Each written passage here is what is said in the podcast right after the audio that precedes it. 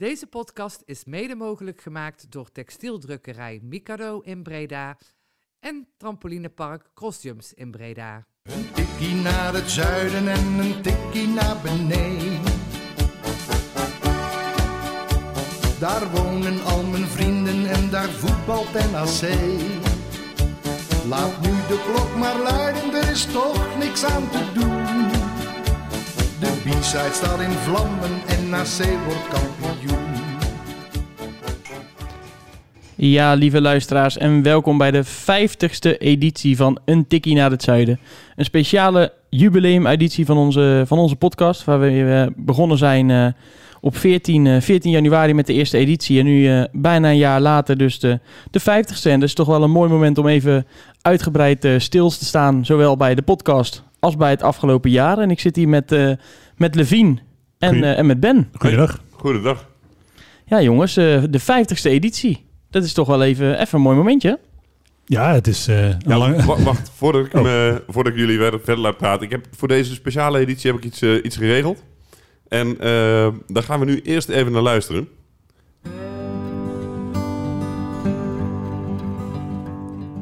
En toen, plots, was het stil. Muisstil. Een leegte. Een gemis. Alsof een stuk uit het hart geamputeerd werd. En aan de stadionstraat kan je maanden later nog altijd het gras horen groeien. In oorlog met een pandemie werd NAC het belangrijkste wapen ontnomen. De niets ontziende orkaan van liederen die doorgaans over de lijnen van het Radverlegstadion bulderden, werd prompt het oog uitgesneden. Het cement de draagmuur van geluid die elf uitverkorenen twee wekelijks overeind hield, loste op als sneeuw voor de zon.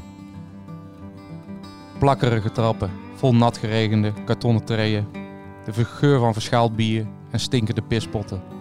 Je ziet en ruikt ze niet meer. Het ongeloof, de fluit op de vingers en collectief gevloek en getier, je hoort ze niet meer. De gebalde vuist, de arm om de schouder en de eruptie van vreugde. Hoe voelt dat nog? Maar een tikkie naar het zuiden bouwde een ploeg van toffe jongens aan een nieuwbouwproject. En met een stevige fundering ontpopte een moderne verzetsgroep, harteloos weggehouden uit hun eigen thuis, zich tot het Radio Oranje van voetbalminnend Breda. Het geluid achter het doel van Nicolai mag dan al even op mute staan, maar de NAC-supporter is beter hoorbaar dan ooit. Al 50 weken organiseren Sven, Levine, Yannick, Thijs, Ivo en Michael iedere week hun eigen avondje NAC. Goed is goed, slecht is slecht. Euforie en woede, gegenpressing en countervoetbal. Het geluid van de supporters door de supporters. Op maandag kleurt al een jaar lang voor tenminste een uurtje. De huiskamer geel en zwart. Zoals ooit de B-side weer zal doen. Maar tot die tijd, ga zo door. Want de wereld zal nog niet vergaan, zolang de liefde blijft bestaan. Nou, zomaar eh, de enige echte Joost Blauwhof van de Gegenpressing podcast... die hier een eh, speciale intro voor ons had eh, geschreven. Ik, ik had mezelf nog zo beloofd niet te gaan huilen. nee, hartstikke bedankt eh, Joost. En Ben natuurlijk leuk eh, dat je dit geregeld hebt. Ja, super cool dat Joost dit doet. en we hebben het al vaker gezegd, alle podcasts kunnen prima wat ons betreft naast elkaar bestaan. En het wordt alleen maar een leuke toevoeging voor... eh, Wel, wel blij dat Sven er vandaag niet is. ja, Ja, maar daar zal Joost ook blij mee, blij mee zijn, denk ik. Dat denk ik wel. Eh, ja, jongens. eh dus de jubileumeditie, de 50ste. We hebben toch besloten om daar eh, even iets speciaals van te maken. En om alvast voor de luisteraars even te gaan vertellen wat we gaan doen. We hebben een, een aantal mensen gesproken over het afgelopen half jaar bij NAC. wat er allemaal is gebeurd. We kijken ook een beetje naar de toekomst. Eigenlijk gewoon een grote terugblik- en vooruitkijkshow. Dat zijn allemaal gesprekken geworden van ongeveer 10 à 15 minuutjes. En eh, die komen deze week ook allemaal los online. Dus eh, we gaan straks eh, in onze eigen podcast eigenlijk losse fragmentjes van die interviews laten horen.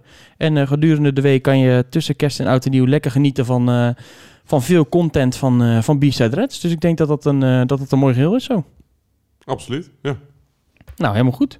Dan wil ik eigenlijk kort beginnen met de vraag aan jullie te stellen. Hoe hebben jullie eigenlijk het afgelopen NAC-jaar en de eerste seizoenshelft eh ervaren? Want ja, dat er genoeg gebeurd is, dat eh, stond weer vast. Nou ja, het is een beetje eh, in een atypisch jaar toch een tot op zekere hoogte typisch nakjaar. Het is na een half jaar, je begint vol goede moed aan, aan het seizoen. Na een half jaar valt het toch een beetje tegen waar je staat.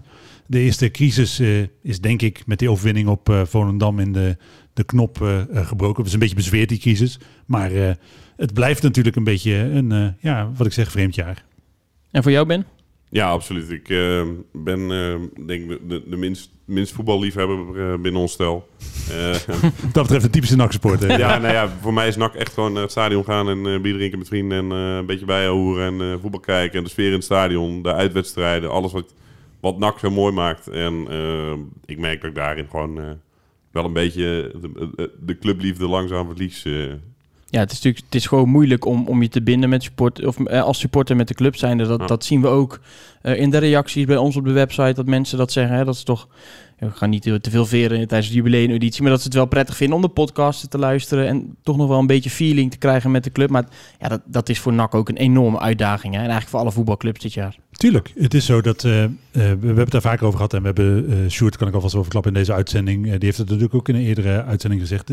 Je gaat het risico lopen dat mensen op een gegeven moment gewoon een andere hobby krijgen. Dat zeker op het moment dat het niet goed gaat bij, bij NAC, haken mensen toch af in het, als je in het stadion zit, wat Ben ook zegt, als je met je vrienden zit, daar toch een avond, dat het voetbal voor een aantal mensen tot op zekere hoogte bijzaak is.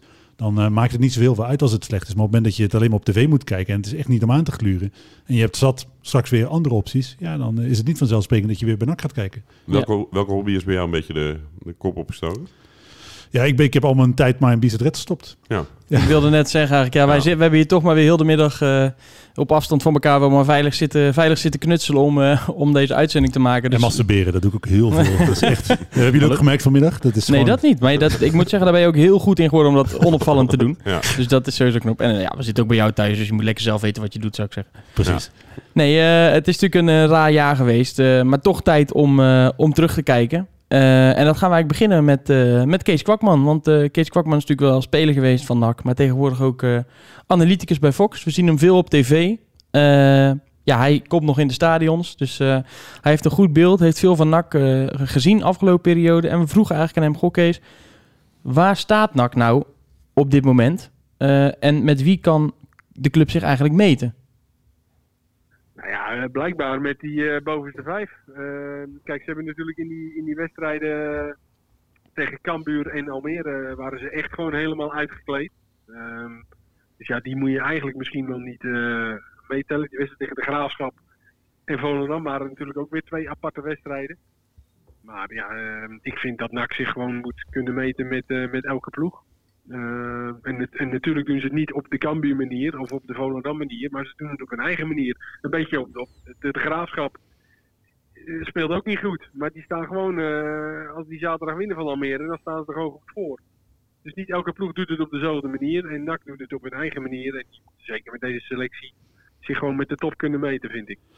Ja, heeft hij daar een, een goed punt? Zijn wij te kritisch? Want ja, we staan nog redelijk bij, bij een aantal clubs in de buurt. Wel acht punten met de directe promotieplek, dus dat is wel een groot gat.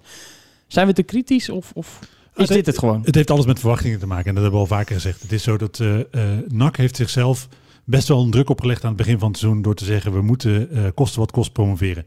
Uiteindelijk, in- inmiddels komt de club daar een beetje op terug. Zeggen ze, nou ja, binnen twee jaar is ook goed. En dan verwijzen ze naar interviews waarin Stijn en ook Manders eh, toch een beetje die eh, eh, mits en maar eh, ook destijds al toevoegden. Alleen de suggestie die NAC aan het begin van het seizoen gewekt heeft, is wij gaan hoe dan ook voor die bovenste promotieplaatsen. En dat is eh, op dit moment, zo mag je concluderen halverwege het seizoen, geen realistische inschatting geweest. Daarbij is het natuurlijk echt zo dat corona flink veel roet in het eten gegooid heeft.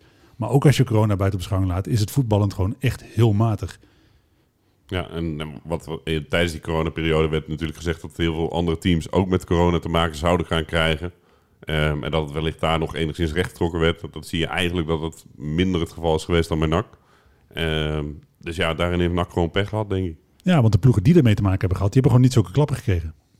Nee, dat klopt. Eh NAC heeft natuurlijk flinke tikken gehad.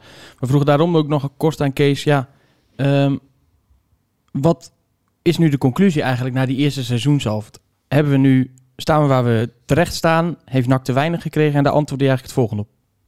Nou, het is natuurlijk ook wel gewoon een lastige situatie geweest. Waarin eh, het begin was natuurlijk al met Maurice Stijn die later kwam. Met de selectie die niet meteen rond was. Nou, daarna begon het wat te draaien en toen kwam de corona gebeuren. Ehm, dan verlies je een paar keer. Ja, dan denk je toch als trainer eh, als eerste, we moeten gewoon zorgen dat we de punten halen. En dan denk je niet, nou, ik ga nu eens even trainen op dat we mooi eh, opbouwen en mooi spelen. Dus het is denk ik zo door die eerste seizoen zelf, is het best wel, is het best wel te verklaren.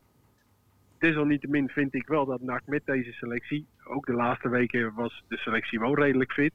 Ja, echt wel beter voetbal op de mat eh, hoort, te leggen. En eh, ja, dat ontbreekt er wel een beetje aan, vind ik. Maar ja, als je het op deze manier redt, dan ben je misschien ook wel gek om, eh, om dingen te gaan veranderen. Ja, ik hoorde Mier eigenlijk zeggen, niet goed, niet slecht, een paar puntjes laten liggen. Nou ja, wat hij zegt klopt. Hè. Eh, op het moment dat je het eh, met dit voetbal redt, waarom zou je dan eh, het veranderen? En daar zit natuurlijk tot op zekere hoogte wel iets in. En dat is ook een beetje, denk ik wel, Stijn probeert dat altijd te ontkrachten. Hij zegt, ik ben wel een aanvallende trainer, maar dat is natuurlijk gewoon niet zo. Als je kijkt naar hoe NAC het de, de eerste seizoen zelf gevoetbald heeft. Het is een defensieve coach die uitgaat van het beperken van risico's. En als je maar genoeg risico's beperkt en vo- voldoende kwaliteit voorin hebt staan, win je de meeste wedstrijden. Heeft hij dan eigenlijk ehm, na die coronaperiode, want daarvoor, hoe je het went of keert, of het goed was of slecht, zes punten, eh, zes wedstrijden, 18 punten. Ja, klopt. Daar kan je, helemaal. ni- kan je niks over zeggen. Heeft hij daarna een soort van echt opnieuw moeten beginnen, een hele nieuwe voorbereiding bijna moeten draaien en heeft hij gewoon na dat moment niet meer de puntjes op de i kunnen zetten? Zo wat hij zelf ook zegt. Hè? Hij heeft eh, met eh, die, die spelers die terugkwamen en het inslijten van patronen inderdaad eigenlijk een tweede voorbereiding moeten draaien. En dat, ja, dan, dat, dat klopt wellicht tot op zekere hoogte. Maar dan zou je toch op een gegeven moment een ontwikkeling in het spel willen zien. En die heb ik gewoon de eerste seizoen zelf eigenlijk niet gezien. Nee, ook niet richting de laatste wedstrijden. Dat was het ook eh, met hangen en wurgen een eh, overwinning op eh Volendam. Ja, Go Ahead was natuurlijk was, was je gewoon de betere.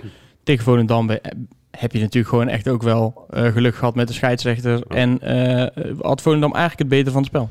En dat is wellicht waar je als nakker zijn aan vast moet eh, eh, houden. Dat in die eerste wedstrijden zag je ook eh, dat het gewoon allemaal de goede kant op viel. En eh, voor een deel is dat wellicht gewoon ook kwaliteit. Het feit dat je een elftal hebt wat die wedstrijd over de streep kan trekken. En dat gebeurde tegen Volendam natuurlijk ook. Je kunt zeggen, je hebt daar ongelooflijk veel geluk gehad. Maar feit is dat je hem wel gewoon wint. En ik hoop dat dat gevoel wat je in de eerste zes wedstrijden had, dat dat na de winststop weer een beetje terugkomt. En dan maakt het me uiteindelijk eh, niet uit of we goed of slecht voetballen als we die punten maar pakken. Ja, tot het moment dat je weer het stadion in mag. Want dan ga ik echt niet 90 minuten naar dit, dit voetbal zitten kijken. Eens. Heb je gouden kaart? Ja. Ah, dan mag je wel naar binnen. nee, eh, ja, hiermee ronden we eigenlijk het, het eerste blokje denk ik even af van, Ja. eh, van Kees Kwakman. Klopt. Eh, ik zou nu graag door willen eigenlijk naar een jongen die eh, het leven van eh, een NAC-directeur misschien dit jaar iets makkelijker heeft gemaakt. Eh, want ja, laat, je, kan er, eh, je kan er omheen draaien, maar de transfer van Jan-Paul van Hek heeft natuurlijk wel voor heel veel rust denk ik gezorgd bij NAC. Dat ze daar een mooi bedrag mee binnen hebben weten te halen. Dus besloten we eigenlijk ook even om Jan-Paul van Hekken te bellen. Die speelt nu een halfjaartje in de eredivisie na zijn overstap naar, naar Brighton en zijn verhuurperiode aan, aan Heerenveen. Krijgt veel lof. Alleen we vroegen hem eigenlijk in eerste instantie even naar... Ja, hoe ging dat nou toen jij niet speelde bij NAC? En ehm, hoe zat jij er toen in? Want hij speelde natuurlijk niet. Hij is per toeval in de, in de elftal gekomen. En hij heeft nu meer eredivisiewedstrijden gespeeld... dan dat hij eerste divisiewedstrijden heeft gespeeld. En hij zei eigenlijk ja, het volgende over, eh, over zijn periode bij NAC... en het feit dat hij toen nul minuten kreeg. Ehm, je hebt natuurlijk je eerste half jaar bij NAC vrij weinig gespeeld. Eh, toen ben je eigenlijk bij toeval op een gegeven moment wel in het elftal gekomen. Hoe dichtbij was jij eigenlijk bij een terugkeer naar, eh, naar het semi-amateurniveau bijvoorbeeld... toen jij niet speelde bij NAC? Eh, ja, voor mijn voor, voor was het natuurlijk best, best wel groot. Alleen je, je hebt wel gewoon een driejarig contract, dus ik kon ook niet zomaar zeggen kat. Alleen heel vaak zat ik wel tegen mezelf te zeggen, als ik bijvoorbeeld nog twee weken niet speel, dan ga ik ermee kappen. En het is ook een beetje emotioneel natuurlijk als je er vaak niet speelt. Dan zit je ook elke keer een beetje jezelf gek te maken. Maar ik moet zeggen, ik, had, ik, had, wel al eh, een beetje berichten gedaan naar eh met Rogier Veenstra dan, die was dan van ACH trainer daar had ik ook al gezegd van, kan ik niet bij jou komen, dit en dat. Alleen, van echte terugkeer eh, was niet, niet heel dichtbij of zo. Alleen, voor mijn gevoel had ik daar al een paar keer aan gedacht. Het is toch eigenlijk wel, echt wel bizar voor woorden dat deze jongen per toeval in, in de elftal is gekomen bij NAC. En zo'n stormachtige ontwikkeling door heeft gemaakt dat hij... Ja, we, we spraken hem, we kunnen een klein teasertje geven. Maar dat, dat Brighton gewoon een plan met hem heeft om hem over twee jaar in de Premier League neer te zetten. Ja. Het, het, laat zien hoe dun de scheidslijn tussen uh, succes en uh, falen is in het voetbal. Want op het moment dat hij uh, niet in het elftal was gekomen, dan was hij inderdaad waarschijnlijk na afloop van afgelopen seizoen teruggegaan naar de amateurs. Of was hij wellicht verhuurd aan een kleine club in de keukenkampioen-divisie. En het feit dat hij zich in de basis heeft geknokt, daar vervolgens geëxceleerd heeft. En nu uiteindelijk de problemen voor NAC dit seizoen voor een heel groot deel eens eentje opgelost heeft. Ja, dat, dat zegt natuurlijk alles. Ja, het zegt ook wel iets natuurlijk over het, wat, welke rol een trainer heeft in, in uh, de carrière van zo'n jonge jongen.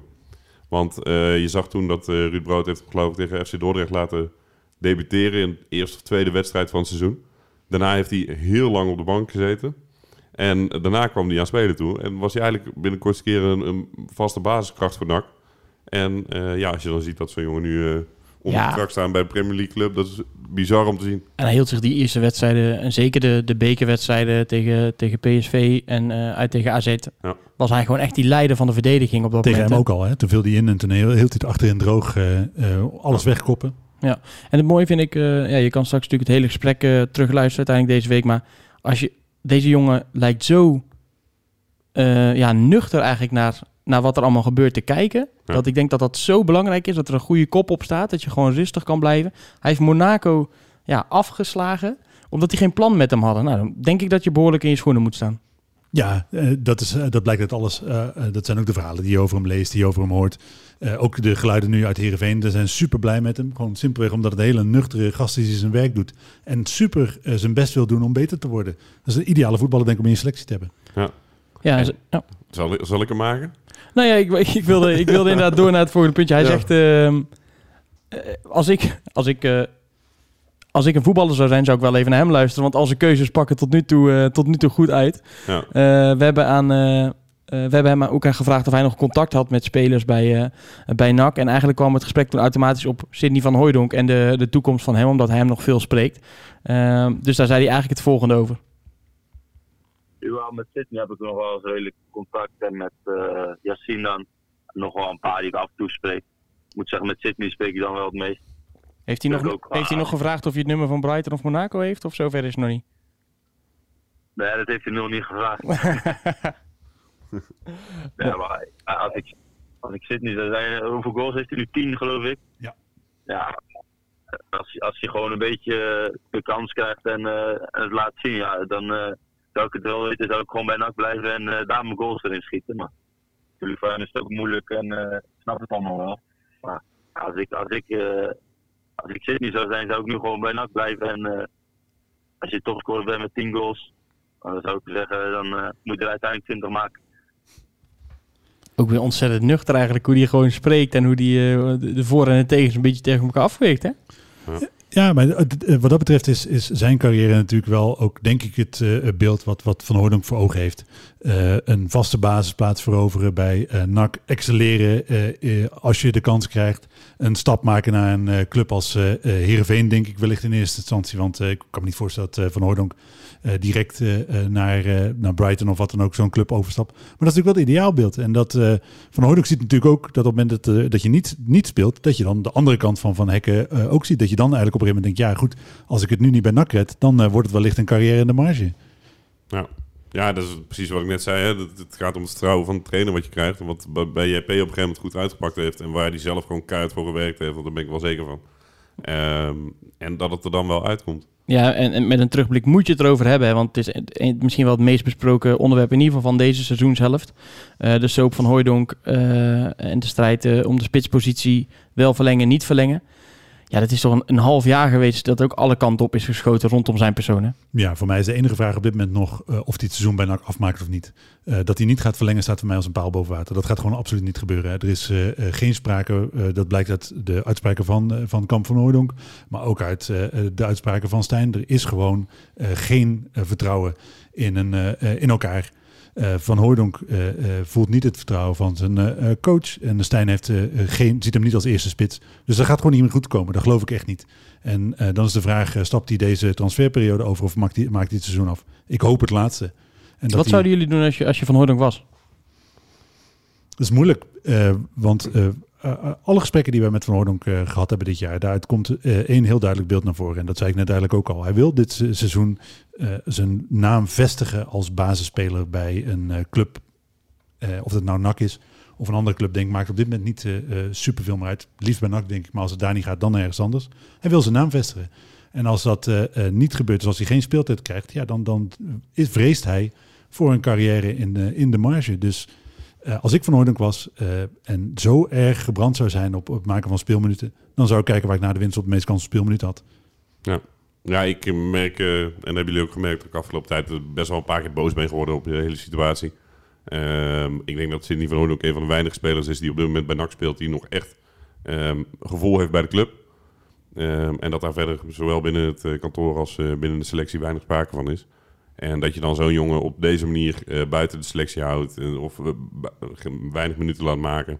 Ja, die wissel, eh daar had eh Sjoerd ook nog het een en ander over gezegd. Maar dat, ja, dat was denk ik gewoon ongelukkig. Eh, maar ik zou het gewoon echt heel zonde vinden als die jongen vertrekt. Ik Ja. ook. Ik denk het ook. Kan- Van, de, ook op de website bij ons lopen de reacties uiteen van... Ja, eh Kamp van Hooijdonk moet eh, eh, ook even een stapje terug doen naar... waarom heeft die- deze jongen nog geen contract? Maar ik kan in ieder geval voor mezelf zeggen... dat als ik op dit moment voetbal zit te kijken... dat het gewoon echt moeilijker is om je te identificeren met je club. Omdat je niet meer op de tribune mag zitten. Je mag met, maximaal met één of twee mensen kijken. Dus je hebt ook niet dat, dat groepsgevoel. Ja, en ik stond de wedstrijd tegen Volendam... eh, echt voor het eerst sinds lange tijd sprong ik gewoon weer op van de, van de bank... toen die, eh, die eerste maakte en toen, toen er een penalty kwam... en ik zag hem die bal pakken. Het gaat mij niet zozeer om Van Hooijdonk of, of welke naam dat ook was geweest. Maar het is een jongen met wie je gewoon goed kan in- identificeren. Bij wie je gevoel hebt. Ja. En het is denk ik op dit moment echt heel belangrijk om gevoel vast te houden bij, bij je club. En dat is wel een, eh, hij is wel een jongen die dat creëert. En eh, een Venema die echt wel iets beter is gaan voetballen de laatste wedstrijden. Die, daar weet ik van. Die is volgend seizoen weg. Die ga ik niet meer zien. Ik hoef me totaal niet vast te klampen aan Nick Venema. Nee. Ah ja, en wat, wat, wat het frustrerende van deze hele situatie is, is dat het in alle opzichten typisch NAC is. Er is geen enkele club ter wereld die eh, in de winter eh, kijkt naar zijn selectie, zegt, nou, onze topscorer, nou, die kan eigenlijk gewoon gratis weg. Je kan hem gewoon op, op komen halen. eh, Kom halen. Je mag hem, mag hem zo meenemen. Er is geen club ter wereld die dat voor zichzelf, die zo'n situatie voor zichzelf re- realiseert, anders dan NAC.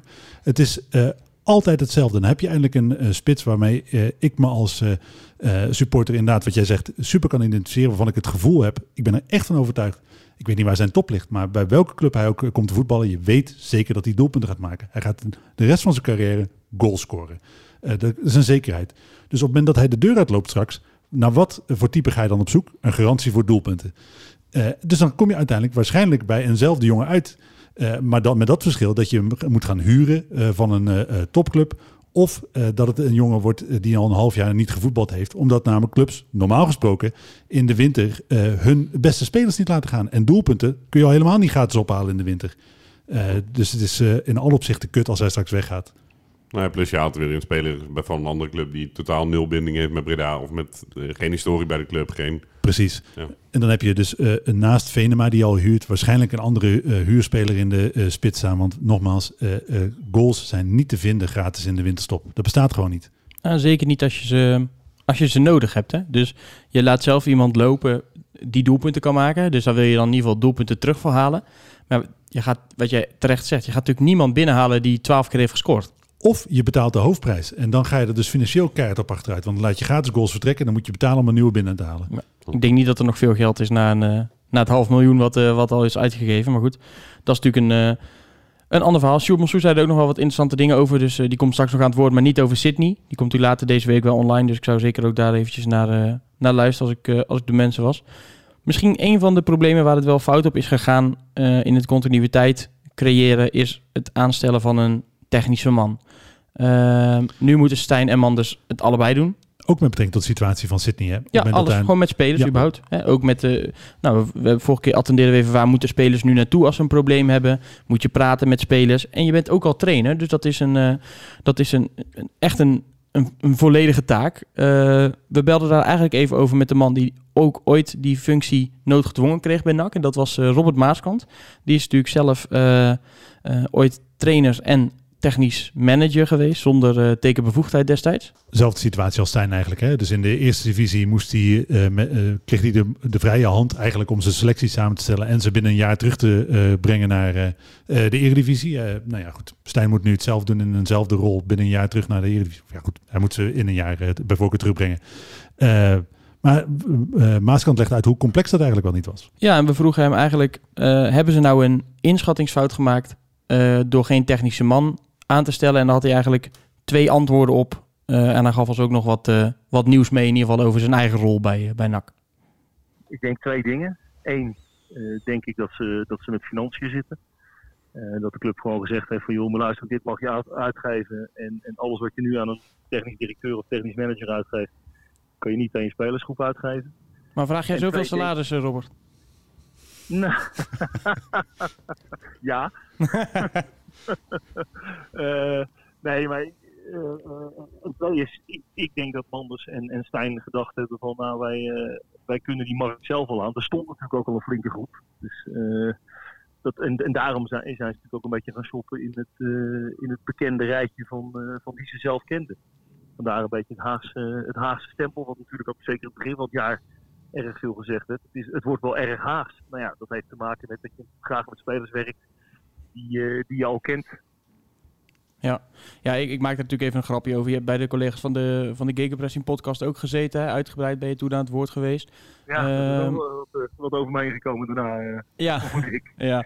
maar de, de, de vraag daarover. Uh, heb jij nog eens gesprekken gevoerd met Mandes? Zou je nog uh, een, een terugkeer naar, de, naar de, de voetbalclubs willen? Want je bent natuurlijk wel nog werkzaam in de, in de voetbalwereld. En, en ja. Nou, ik, ik, zou, ik zou je een heel eerlijk antwoord geven daarin. En dat, dat is misschien, dat heb je direct het primeurtje. Uh, ik heb twee keer aangegeven dat ik bereid ben voor een gesprek. Waarbij ik niet aangegeven heb dat ik die functie ook zou gaan bekleden. Want dat, heeft wel met een aantal voorwaarden te maken. en dat is één keer geweest voor de RVC, omdat ze op dat moment NAC iemand zocht als technische man in het beleid. Dat, heb ik, dat is dan een vrijwillige functie. Hè? Die heb ik een keer aangegeven en ik heb een keer laten weten, joh, ik ben bereid voor een gesprek als technisch manager. Uh, maar dan wel op een wat langere termijn en wat wel met meer met, rust werken. Dus ook een duidelijk idee neerleggen bij de club. Nou, op beide keren is, is niet op gereageerd en dat is ook een goed recht. Nou, hij, hij is in ieder geval openhartig over die de gesprekken die hij gevoerd heeft met NAC. En dat hij zelf wel interesse had in ieder geval. Want anders bied je natuurlijk niet aan. Hij zegt, ik weet niet zeker of het was gaan doen. Maar hij had in ieder geval interesse, want anders ga je er niet mee, mee om de tafel. Had NAC met hem in zee moeten gaan voor een van de twee functies? Uh, als technisch manager vind ik lastig in te schatten. Ik, ik weet dat de aandeelhouders de vorige keer dat hij dus die dubbelfunctie vervulde... Tevreden over hem waren als technisch directeur. Hij is uiteindelijk ontslagen destijds omdat het de prestaties tegenvielen. Maar ze waren super tevreden over hoe hij het als technisch directeur deed. Ik weet niet zeker of ik hem die, in die rol terug zou willen zien bij NAC. ik denk dat het wel goed was geweest op het moment dat hij voetbalverstand toegevoegd had aan de Raad van Commissarissen. Want ik denk dat daar op dit moment toch wel, wel een lacune zit. Het is zo dat er voor, voor Stijn eigenlijk nauwelijks mensen binnen de club zijn bij wie die echt op niveau uh, over voetbalinhoud, voetbalinhoud kan praten. En daar, ik denk dat Maaskant daar wellicht echt wel een goede toegevoegde waarde had. Ja, dat hebben we natuurlijk ook nog in dat gesprek gevraagd. Hè, van hoe is dat nou als trainer om eigenlijk niemand hebben om mee te sparren? En dan zegt hij toch nou, het is echt wel lekker om iemand te hebben waar je gewoon over voetbalzaken goed mee kan praten. En, en dat hebben we vorige keer ook al licht aangestipt. Maar dat is wel misschien iets wat Stijn op dit moment mist. Stijn mist het niet alleen, maar het is ook voor uh, uh, voetballers ergens ook wel lekker. Op het moment dat je binnen de club uh, iemand hebt waar je ook je verhaal kwijt kan, hebben we het ook over gehad. En ik denk dat hij in die rol wellicht best wel geschikt was geweest. Hoe kijk jij daarnaar, Ben? Ja, dat denk ik ook. Ja, ik, uh, die RVC-functie vind ik wat lastig in te schatten, omdat ik eigenlijk geen idee heb wat, wat de RVC op dit moment precies doet. Het toetsen van beleid, hè? Ja, ja.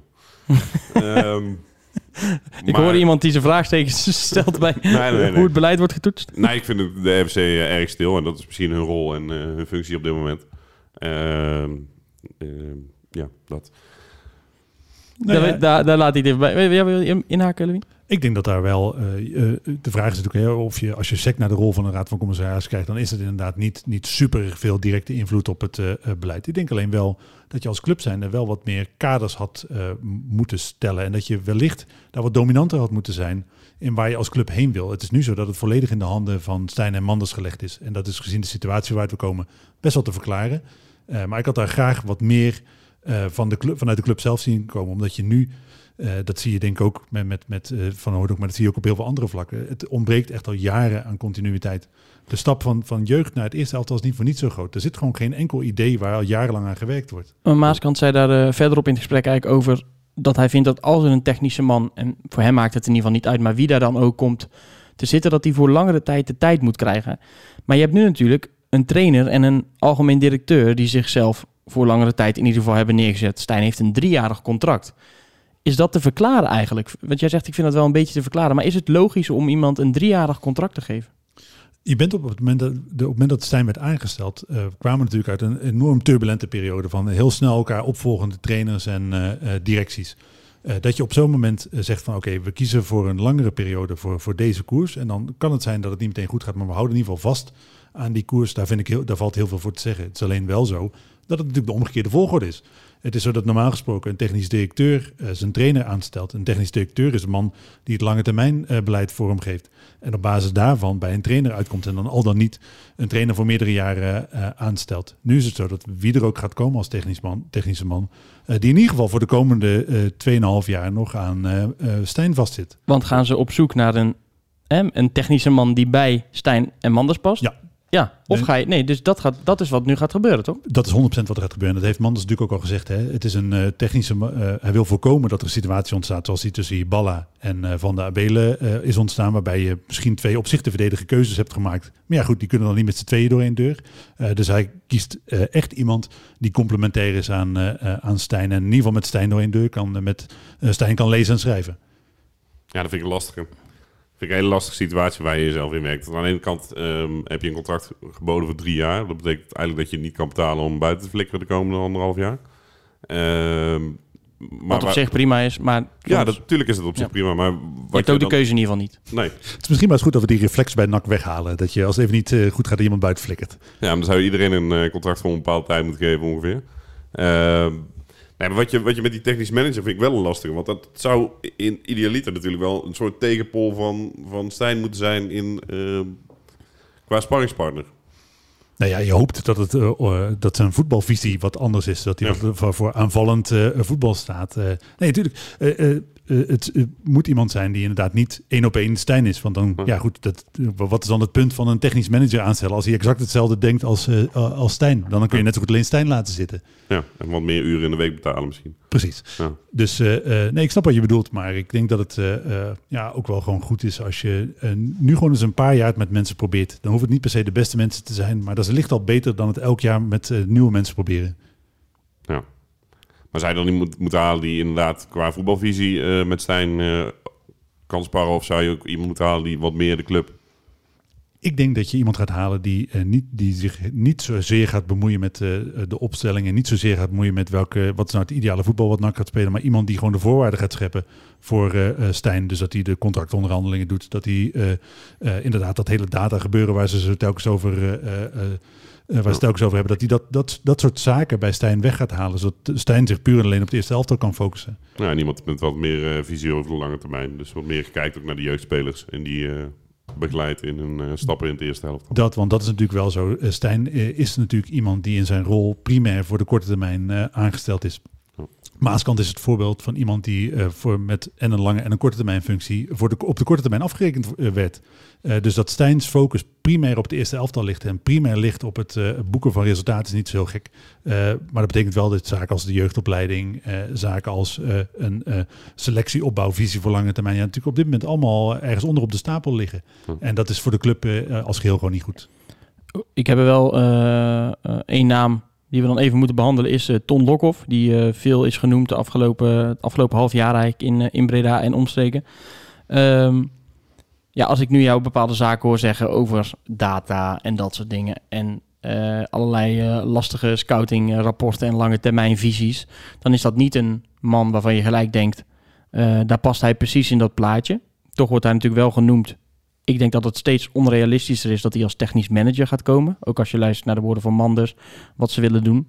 We vroegen wel ook Sjoerd Mossoen naar uh, Ton Lokhoff. En of hij eigenlijk het nou een goed idee vond als uh, Ton Lokhoff uh, bij NAC binnengehaald zou worden. En daar had hij eigenlijk wel een, een mooi antwoord op.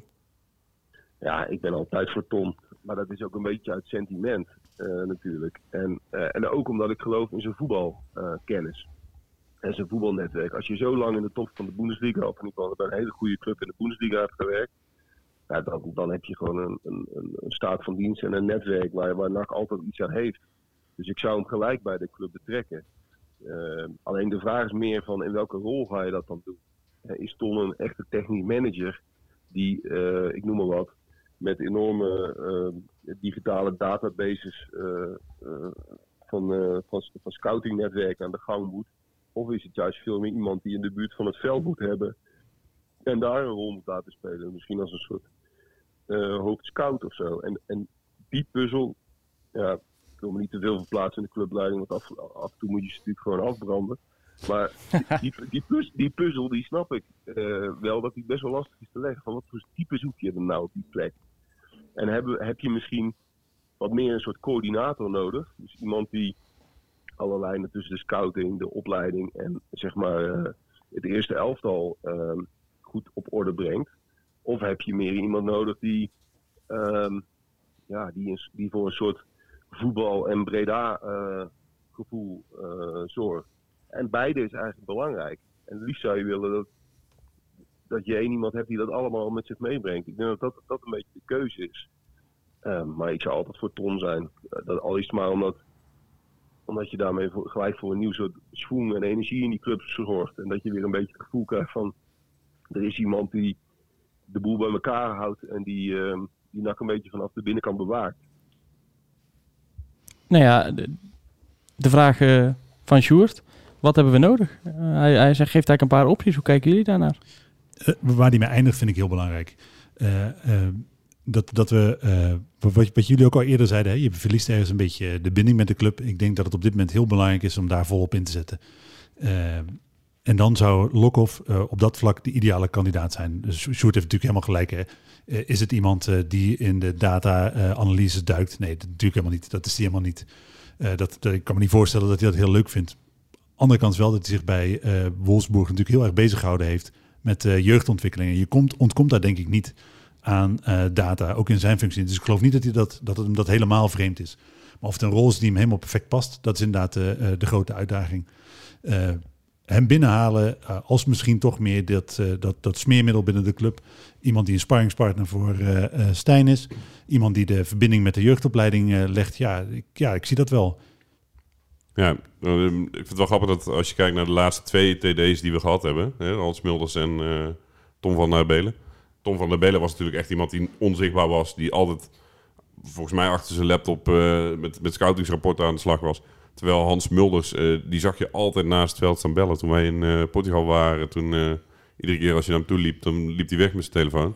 En... Maar wel ook, hij was wel, je zag hem wel, maar ja. hij was wel ook echt op afstand. Ja, Want... maar toch, uh, uh, met die promotiewedstrijd in Nijmegen uh, stond ik op het veld te fotograferen. En je zag echt spelers die hij binnengehaald heeft, die bij hem om zijn nek vlogen. Naar ja, dat snap ik, want er zat een clausule in dat contract ja. als er gepromoveerd werd dat er behoorlijk wat centen werden uitgekeerd. Nee, maar die, die zat wel, stond wel veel meer tussen de spelers dan, dan Ton van Belen, had ik het idee.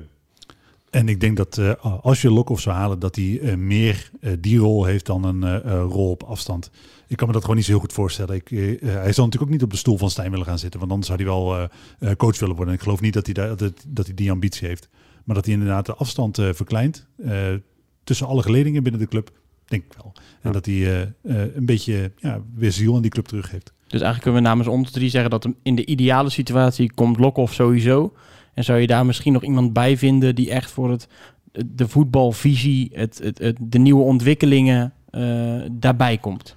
Ik denk dat het een uh, dat de situatie gaat zijn dat je een technisch directeur gaat halen die inderdaad aan die uh, eisen voldoet van uh, die datagedreven man die echt lange termijn beleid schrijft, die ook zijn eigen scoutingnetwerk heeft, ook een goede verkoper is dat, dat, dat, dat, dat het profiel wordt van de technisch directeur, maar dat je daarnaast hoe dan ook Ton Lokhoff binnen moet halen. Die eh, als, noem hem adviseur, maar je hoeft hem geen eh, officiële functie te geven. Ik, ik weet niet zeker of hij ook nou echt op een officiële functie zit te wachten, maar betrek hem wel in ieder geval formeel bij die eh, club eh, als adviseur. En laat hem dan lekker zijn gang gaan als sparringpartner, als eh, eh, uithangbord voor een deel voor je club. Ik zie daar wel iets in. Ja, zeker dat laatste uithangbord van je club. Nou, Ton, ik, ja. ik, ik hoop dat je luistert. Ja. En ik hoop dat hij eh, van Hoordonk zover krijgt dat hij nu drie jaar contract tekent zonder clausule. Maar goed, ik, eh, No pressure. nee, eh, ja, dat, ik denk dat we, die, dat we dat namens ons drie in ieder geval wel... eh, dat ik dat wel kan, onder, eh, kan onderstrepen. Nou ja, ik, ik had daar laatst een discussie over met een eh, eh, vriend van mij. Ik, en ik ben daar echt van overtuigd dat eh, als je. Eh, we- weet je, wij, maken natuurlijk als supporters geen beleid. Maar als je ons alle belangrijke beslissingen, zoals welke trainer moet je aanstellen, welke TD moet je aanstellen, moet je contracten wel of niet verlengen. Als je ons die als supporters had laten nemen, dan weet ik echt zeker dat er gemiddeld geen slechtere beslissingen uit waren gekomen dan de beslissingen die de mensen die daarvoor betaald hebben gekregen de afgelopen jaren genomen hebben. Echt niet. Ik weet vrij zeker dat we het beter gedaan hadden. En dat heeft dan voornamelijk te maken wat, je toen benoemde natuurlijk met het echt hard hebben voor je club. En, en niet alleen, wat ook echt goed te begrijpen is, maar voor je eigen baan en je eigen carrière. Precies. Ja. Uiteindelijk zijn wij als supporters het, eh, al- als enige echt geïnteresseerd in de lange termijn van, eh, van de club. En ik weet zeker dat wij ook door onze geschiedenis, ervaring met de club, eh, onze passie voor de club, eh, echt geen slechte beslissing hadden genomen. Echt En daarom moet er eigenlijk iemand binnengehaald worden waarvan, Die wij, dat gevoel waarvan terug- wij kunnen zeggen, hij heeft dat ook. Die de dat, club dat is snapt. weer van ons. Ja, maar dat is toch belangrijk? Iemand Ja, die de club absoluut. snapt, waar je zelf ook in herkent, waar wij het idee hebt dat de club eh, in, in veilige handen is. Want het kan goed zijn dat Manders eh, en Stijn eh, beslissingen nemen waar je op uiteindelijk wel verder van komt. Maar de vraag is of het echt eh, eh, op dit moment mensen zijn die dat NAC-DNA kennen, bewaken en verder brengen. Weet ik gewoon niet zeker. Nee, we vroegen aan, eh aan Sjoerd ook nog even hoe hij eigenlijk naar het afgelopen half jaar heeft gekeken. Eh, en wat de, wat de balans was volgens hem. En daar was hij eigenlijk ook wel vrij, vrij duidelijk over. Nee, het valt natuurlijk tegen. Nee, tuurlijk. Ik, het valt zeker tegen. En vooral op basis van, eh, van die eerste zes weken. Want ja, ik was eigenlijk best wel gematigd enthousiast over, over het elftal en de selectie. Kijk, er zitten wat te weinig doelpunten in eigenlijk. Hè? Als je alles optelt. Dat kon je wel zien, met name op middenveld. Maar dat was, dat was eigenlijk in de vorige jaren was dat ook vaak zo. Maar ik vond het qua leeftijdsopbouw en zo, vond ik het eigenlijk wel, eh, wel, wel, wel aardig gedaan. Eh, eh, even los van de financiële risico's die wellicht genomen zijn, vond ik, snapte ik wel zeg maar, de, de opbouw van de selectie. En er vallen er altijd een paar tegen en eh, dat, dat is ook wel gebleken. Maar ik was eigenlijk in de eerste twee maanden best wel, eh, best wel positief. Maar toen dat met die, met die coronabesmettingen helemaal eh, in elkaar donderde en dat eigenlijk veel te lang bleef duren, ja, toen, ja, dan, dan, word je, dan je een beetje chagrijnig en lam geslagen van. Maar ik heb nooit gedacht van nou, dit, dit, dit elftal eh, is niet goed genoeg om, over, om bij, de, om bij de bovenste drie, vier mee te doen. En als je dan nu kijkt alle punten die verspeeld zijn in een eh, periode van anderhalve maand, ja, dan, dan is het gewoon in dat opzicht natuurlijk teleurstellend. Ja, dat, is het, dat is het zeker. Ze hadden gewoon eh, dicht bij de top 2 moeten blijven. Dat had ook makkelijk gekund. Ik denk dat dat, ja, weet je nooit, maar zonder die, die corona-ellende hadden ze, hadden ze er gewoon dichterbij gestaan. Daar ben ik van overtuigd. Ik denk dat hij eh, misschien wel een, een, goede uitleg geeft voor wat veel supporters, eh, veel supporters voelen na die eerste seizoenshelft. Ja, het, dat eh, eh, mijn samenvatting kunnen zijn. Ik ben het er helemaal mee eens. Je hebt hem ook wel een briefje gegeven wat hij moest voorlezen. Ja, ja, we hebben hem van tevoren helemaal geïnstrueerd natuurlijk. Dat snap je. Alle, alles wat je tot op heden gehoord hebt is gewoon volledig voorgekookt door wat wij... eh, BSF propaganda. precies. Toevallig hebben we hier iemand zitten die heel goed stemmen na kan doen. Nee, maar eh, ik, ik denk dat hij het goed weergeeft. Hè. Kijk naar die eerste zes wedstrijden. Om, om dan even het- de eerste seizoen zelfs af te ronden en een klein beetje vooruit te gaan kijken. Ja, die eerste zes wedstrijden, dat, of wij nou zo goed waren of de tegenstander zo slecht. Je had 18 punten en je stond bovenaan. Daarna heb je echt een hele nare periode gehad die veel eh, impact heeft ge- gehad. Maar ik denk dat het voor sommige supporters inmiddels dat het de herstelfase te lang heeft geduurd. Misschien wel zoals heel de coronacrisis, iedereen is het een beetje beu. Ehm, dat dat gewoon te lang heeft geduurd om, om positief naar, naar voren te kijken. Maar dat is ook de reden waarom ik, dat, eh, eh, waarom ik zo'n clubman zo belangrijk vind. Ik wil eh, gewoon een goed gevoel krijgen bij de nabije toekomst en zeker ook bij de lange termijn van de club. En dat gevoel heb ik op dit moment niet. Ik eh, eh, zie voetballend te weinig aanknopingspunten om erop te vertrouwen dat het eh, in het tweede seizoen zelf beter gaat. Zeker als Van straks uh, transfervrij de deur uitloopt. Eh Bilate, ja, laten we heel even wel wezen, kan er gewoon geen zak van op dit moment. Doet gewoon helemaal... Nee, maar hij kan vast wel heel goed voetballen, maar hij laat het op dit moment nog niet zien. Op dit moment heeft, op dit moment heeft, is hij, heeft hij nul toegevoegde waarde. Precies, en dan kijk je naar het middenveld, dan zit daar met Haaien echt wel wat, wat in. Maar op een aantal, Immers heeft niks gebracht. Eh, valt ongelooflijk tegen wat mij betreft. Eh, datzelfde geldt voor... Te verklaren vind ik, maar goed, dat is, dat is een ander verhaal, want het valt gewoon tegen. Maar zo geldt het eigenlijk een beetje in alle linies. Ja. Dat, het, dat het op een aantal plekken gewoon te veel tegenvalt om eh, het vertrouwen te hebben in het feit dat het na de, seizoen, na de winterstop helemaal goed gaat komen. En daarom wil ik, wat het nogmaals, dat man als, als Lokhoff eh, eh, gehaald worden. Dat, dat je echt een, met een gerust gevoel naar de toekomst kan gaan kijken. En ja, daar moet wel wat voor gebeuren. Ik denk dat het dan ontzettend cruciaal wordt, die eerste twee weken na de, na de winterstop. Dan krijg je toch zelf wedstrijden tegen eh, Excelsior en Roda. Dat zijn geen hoogvliegers, maar dat, dat zijn wel ploegen die het, die het gewoon lastig kunnen maken. Daarna spelen wat onderlinge concurrenten tegen elkaar. Want als je naar de stand gaat kijken, dan staan we natuurlijk vierde. Dat is op zich niet een heel eh, slecht uitgangspunt, maar je staat wel acht punten achter op een directe promotieplaats. En daar is natuurlijk best wel veel. En dat kan in twee weken, kunnen dat ook ineens eh 14 punten zijn als het een beetje tegen zit. Want hoe, hoe kijken jullie daarnaar? Eh, wij gaan toch niet meer direct promoveren? Daar geloof ik echt niet in. Nee, die tweede plek eh, kunnen we denk ik dit, voor dit seizoen vergeten. Ik, eh, Eerste plek helemaal, eh, voor alle Ja, ja. Cambuur is gewoon te goed. En, en eh, heel eerlijk, ik had echt gehoopt dat we kampioen zouden worden ten koste van alles. Maar als je ziet hoe goed zij voetballen en wat er vorig jaar met die club is gebeurd, dan, dan zullen zij ook dit jaar gewoon terecht kampioen worden in de, in de eerste divisie. Ja. En dan kan eigenlijk niemand daar ook maar aanspraak over maken of iets van zeggen. Want ze spelen gewoon twee jaar lang dan het beste voetbal van heel de competitie. Ik zie hen eh, eh, echt niet instorten. En als ze instorten, dan is die instorting eh, zo minimaal dat ze voldoende marge overhouden om in ieder geval nog tweede te worden. Eh, zij gaan hoe dan ook direct promoveren. Ik geloof echt niet dat zij zo in gaan storten dat ze alles, al die hele voorsprong weggeven. Kan gewoon niet. Nee, nee, ik denk dat echt dat... eh, we hebben vaker dit soort wedstrijden gehad en vaker dit soort periodes. En vaak valt het tegen, maar ik hoop dat het, dat het nu een keer de goede kant op valt. Maar ik denk dat de komende twee weken, dus na de winststop, die gaan gewoon cruciaal zijn. En eigenlijk om twee redenen. Eh, de eerste reden, je speelt zelf tegen twee ploegen, eh, Excelsior en Roda, waar je van moet winnen eh, als je mee wil doen. Je kan vrij weinig meer laten vallen. En daarna speelt bijvoorbeeld de Graafschap tegen Almere in die eerste week. Ja, als de Graafschap wint, dan wordt het gat naar beide ploegen natuurlijk kleiner. Tenminste, de Graafschap blijft hetzelfde en Almere is het dan nog maar ineens vijf. En dan kan het natuurlijk met onderlinge duels, kan je er praktisch al zijn. Dus ik vind die twee, die twee weken nog heel belangrijk. Maar daarna, ja, vind ik het wel echt moeilijk om, om nog perspectief te zien. Maar we weten niet hoe het eindigt. Ja, wat ik, wat ik vooral ho- hoop van die eerste wedstrijden van eh, ja, eigenlijk volgende week beginnen die nu natuurlijk al. Ja, ook bizar dat, eigenlijk. Dat als we die, die Wel opstelling... lekker ergens. Ja, ja, ja. ja. dat als je die opstelling ziet en je denkt, ja, logisch. Dat, dat we gewoon eens een keer snappen welke elf er op het veld moeten staan en dat ze er ook staan. Jij bedoelt gewoon, je, voor jou is het belangrijk dat Van Hooydonk in de spits staat. Ja, ook. Nee, maar Nee, maar dat is toch dan een van de belangrijkste namen. De- Want Ja. voor de rest zijn de keuzes redelijk uit te leggen. ja, En nou ja, het is, hoe je het ook bent of keert, hè, het is zo dat, dat Stijn na een half seizoen nog steeds een ideale elf niet gevonden heeft. nee, volgens mij ook niet. Nee. Nee, denk ik ook niet. Dus nou goed, ik vind Ja, die... volgens mij is de ideale elf is elf keer Bilaat, hè. Maar, Knip het eruit. Nee, doe maar niet. Eh, Super Mario. ja. Ehm, Nee, maar die twee wedstrijden na de winst op zijn, zijn inderdaad cruciaal. Ja. En dan eh, wat jij zegt, hè, ik hoop eh, dat je inderdaad een elftal ziet waarvan je denkt, ja, daar had ik zelf ook opgesteld. En dat Ja. betekent voor mij dat Van Hoorn ook hierin staat. want ik had, ook, ik had dat ook die periode gehoopt. Zeg maar, toen we Eindhoven uitwonnen, toen vond ik het spel ook iets beter. Eh dat was grotendeels was daar de Azagari eh, van verantwoordelijk toen hij in het veld kwam. Ik hoop gewoon dat, ehm, dat de lijn Go Ahead Volendam...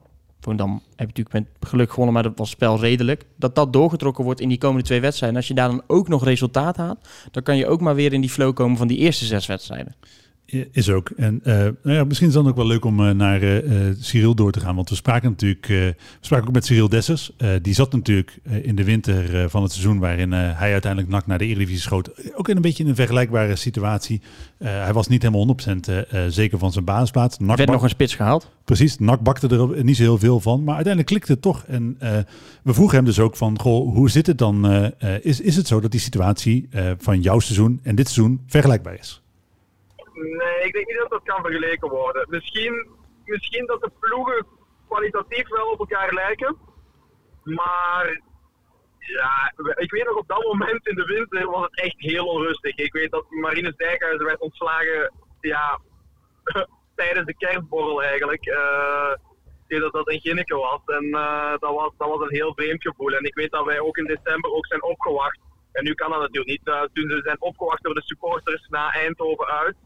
Dat we daar 5-2 of 6-2 verloren. 6-2. Dus het- ik, ik heb wel de indruk dat het toen nog onrustiger was dan nu. Maar eh, ja, ik, ik denk ook wel dat er gemikt zal moeten worden op de, op de playoffs. Eigenlijk vertelt hij dus een super positief verhaal. Het kan dus nog slechter en dan kan het uiteindelijk nog meevallen. Ja. ik wil wel alsnog met terugwerkende kracht sorry zeggen tegen Marines Dijkhuizen voor wat mijn club jou heeft aangedaan. Ja. Want als je dit zo hoort, is natuurlijk dat hij is praktisch op de kerstborrel ontslagen. Dat, dat kan natuurlijk gewoon niet. Eh, wat dat betreft is het eh, eh, ook dit seizoen wel, wel beter dan eh, destijds. Want, Want natuurlijk, er was geen kerstborrel. ja, de, de trainer heeft in ieder geval eh, het jaar overleefd. Ja. Eh, het Nou, oh, oh, Nou, oh. laten we- De vorige trainer was Oudjaarsdag. Nee, ja. maar eh, de, F, de FC, vorige, vorige week ook al, de FC is al bij elkaar geweest voor de laatste keer dit jaar. Dus er gaat geen, zo'n cruciale beslissing gaat niet meer genomen worden. Dus het Het is, kan al genomen zijn. Nee, Nee, gaat niet gebeuren. Gaat niet gebeuren. Dus wat, dat betreft, wat, dat betreft is het rustiger dan, eh, dan het toen was. Eh, maar, eh, dus in principe hoeven we nog niet te vrezen. Maar wat hij zegt is eh, natuurlijk wel terecht. We moeten ons, denk ik, zijn we hier met z'n drie ook wel over eens, gaan richten op die eh, eh, play-offs. En we vroegen hem eh, ook hoe je Ja, dat... nog, nog, Oh, sorry. ja, nee, Ja, nog nee, heel nee, even ik, kort, want hij zegt van ja, de kwalitatief was misschien ook wel te vergelijken. Maar was het niet die winters dat eh, Manu Garcia alsnog werd aangetrokken? Was dat die winter? Ja, dat kan heel goed. Volgens mij was dat die winter, toch? Eh, Ja, volgens mij ook. Ja? Ja, want want hij hij was een- klopt. Hij was anderhalf jaar bij NAC gevoetbald. Ja, dus één Ja. jaar eer, eredivisie en één jaar... Ja. Dus in dat opzicht, als je dan een klein beetje vooruit kijkt naar de komende periode... eh, we hebben er ook met wat gasten over gesproken, eh, eventuele transfers. Zien jullie, A, heeft NAC ruimte om eh, iets te doen deze winter? En wat zouden jullie dan graag zien komen dan wel zien vertrekken? Nou ja, die ruimte wordt natuurlijk gecreëerd, hè, want dat, dat is al heel lang duidelijk. Er zitten een aantal jongens in de selectie die echt geen toekomst hebben. Eh, waar eh, afgelopen zomer natuurlijk al eh, bij een aantal geprobeerd zal zijn om ze te slijten. Ik noem bijvoorbeeld een jongen als, als Kali. Nou, is niet gelukt. Spaanse jongens, Precies, wellicht, wellicht dat dat komende transferperiode wel gaat lukken. En dan is het gewoon zo dat op het moment dat je drie, vier jongens in het meest gunstige geval ziet vertrekken, dan moet daar ruimte ontstaan om nieuwe gasten te halen. Heb je ook nog eens het voordeel dat bij, bij City wellicht, je noemde Garcia als voorbeeld, nou ja, wellicht hebben zij één of twee van dit soort jongens in de aanbieding die je gratis kan halen, waar je alleen maar een woning voor hoeft te regelen. Ja goed, dan moet het er wel wat mogelijk zijn om wat te halen. wat, zou, wat, zou je graag, eh, wat zouden jullie graag zien, eh, zien komen qua eh spelerspositie? En eigenlijk denk ik een beetje hetzelfde als wat NAC zelf ook graag ziet. Ik, die linker centrale verdediger, ja goed, ik zie Riera graag blijven. Maar als Riera vertrekt, nou ja, haal dan maar inderdaad een linker centrale verdediger binnen. En een scorende 10. Eh, dat zijn de belangrijkste, denk ik, op dit moment. Ben, ben jij een scorende 10 of heb je een andere toevoeging? Nee, ja, dat, dat is, ja, natuurlijk hoop je altijd op een, een buitenkant zoals Manu Garcia was. Die bleek natuurlijk gewoon eh, eigenlijk veel te goed voor NAC. Ehm, ik weet niet of City op, dan, op dit moment nog spelers rond heeft lopen die ze op die manier naar NAC zouden willen laten, sturen, laten gaan. Ja, maar ik, als, eh er lopen bij City denk ik 7000 spelers rond. Eh, dus eh, dat is een klein dorp. De, ja. goed, daar, moeten ze wel één of twee jongens over hebben die redelijk kunnen voetballen. Kan Ja, ik kan me ook wel voorstellen dat ze die nog naar België sturen voor eh, wat versterking daar. Ja, goed, laat je er eentje verkeerde afslag nemen. Dan Ja. komt hij in Breda uit. Ja, of de grenzen zijn dicht tegen die tijd. Kan die wel Nederland in, maar niet meer uit. Ehm, nou, we, we hebben net gehad eh, even over die wedstrijd na de winststop. Eh, stel dat het goed gaat en het pakt positief uit. En je komt eventueel nog in de buurt van die bovenste twee plekken. Dan promoveer je natuurlijk rechtstreeks. Maar jij wilde net al naartoe. Maar we hebben natuurlijk ook even met Cyril Des gesproken over... wat als je de eh, directe promotie niet haalt. Want dan ga je je voorbereiden op die play-offs. En eh, ja, koning play-off is natuurlijk eh Cyril Dessers. Dus we vroegen hem eigenlijk... Hoe, hoe gaat dat nou? Hoe werk je daar naartoe? En wat gebeurt er tijdens zo'n play-off nou? Ik denk dat het vijf wedstrijden voor het einde van het seizoen was. Dat we eigenlijk zijn beginnen toeleven naar die, naar die play-offs. En dat we eigenlijk elke wedstrijd werd een soort van voorronde of kwalificatieronde voor, voor die play-offs. En op dat moment, ja, dan, dan begin je op dat moment eigenlijk al toe te werken naar een soort van finale. En eh, ja, dat heeft ons wel heel erg geholpen. En we hebben toen het geluk gehad dat de puzzel net op tijd perfect in elkaar viel. En dat er een, een switch en een soort van geloof kwam in de groep. En ja, dat, dat, heeft, ja, dat heeft- dat heeft ons wel heel erg geholpen. Het, het laatste wat hij zegt is wat mij betreft het belangrijkste. Ze hebben geluk gehad dat die puzzel in elkaar viel. En ik denk dat je je daar eh, aan vast moet houden voor eh, eh, de tweede seizoen zelf. Je moet hopen dat het gaat klikken en dat het vermoedelijk niet genoeg gaat zijn voor die directe promotie. Dat is wel wat mij betreft duidelijk. Maar je moet hopen dat het in elkaar klikt en dat je inderdaad naar die play-offs, die echt veel moeilijker zijn dan de voorgaande jaren, nou maar één ploeg die promoveert, dat, je dan, dat het goed uitpakt. Er staat natuurlijk ook meer druk op bij andere clubs. Dus dan is de vraag eh buigen of barsten. Maar dat geldt voor iedereen natuurlijk. Dus ook de, de clubs die wel zullen degraderen. Ehm, weten jullie nog het moment, want Cyril zegt net op een gegeven moment ging het op zijn plek vallen. Kunnen jullie nog een moment herinneren dat je wist dat het op zijn plek ging vallen? En dan- ik zie jou knikken. Ja. Ik denk dat we... Ja, dat was eh, Almere City Ja, uit. Ja, exact, precies dat die. wil ik Ja. Ja. Dat was echt eh, een, een bepaalde... Dat was een overwinning daar. Ehm, Adjepong scoorde Ja, volgens mij in de er- kruising. Ik zat daar ook op de rand van het veld. En na de wedstrijd merkte je iets bij die spelers. En ehm, was het ook qua punten ook weer... In één keer zag het er een stuk eh, beter uit. Omdat er volgens mij op een ander veld... ehm, een verliespartij was die voor NAC gunstig uitpakte. Zou goed kunnen. Maar wat daar misschien het belangrijkste in is geweest, eh, is misschien wel de trainer. Eh, die natuurlijk wel echt voor zijn jongens is gaan liggen een aantal keer. Dat deed hij ook in het jaar dat we Eredivisie spelen. was natuurlijk Stijn Vreven. Ehm, die hebben nog proberen te bereiken. Die konden we helaas eh, niet bereiken. Dat was jammer. Dan hadden we ook even graag dit onderwerp aan hem, aan hem voorgelegd.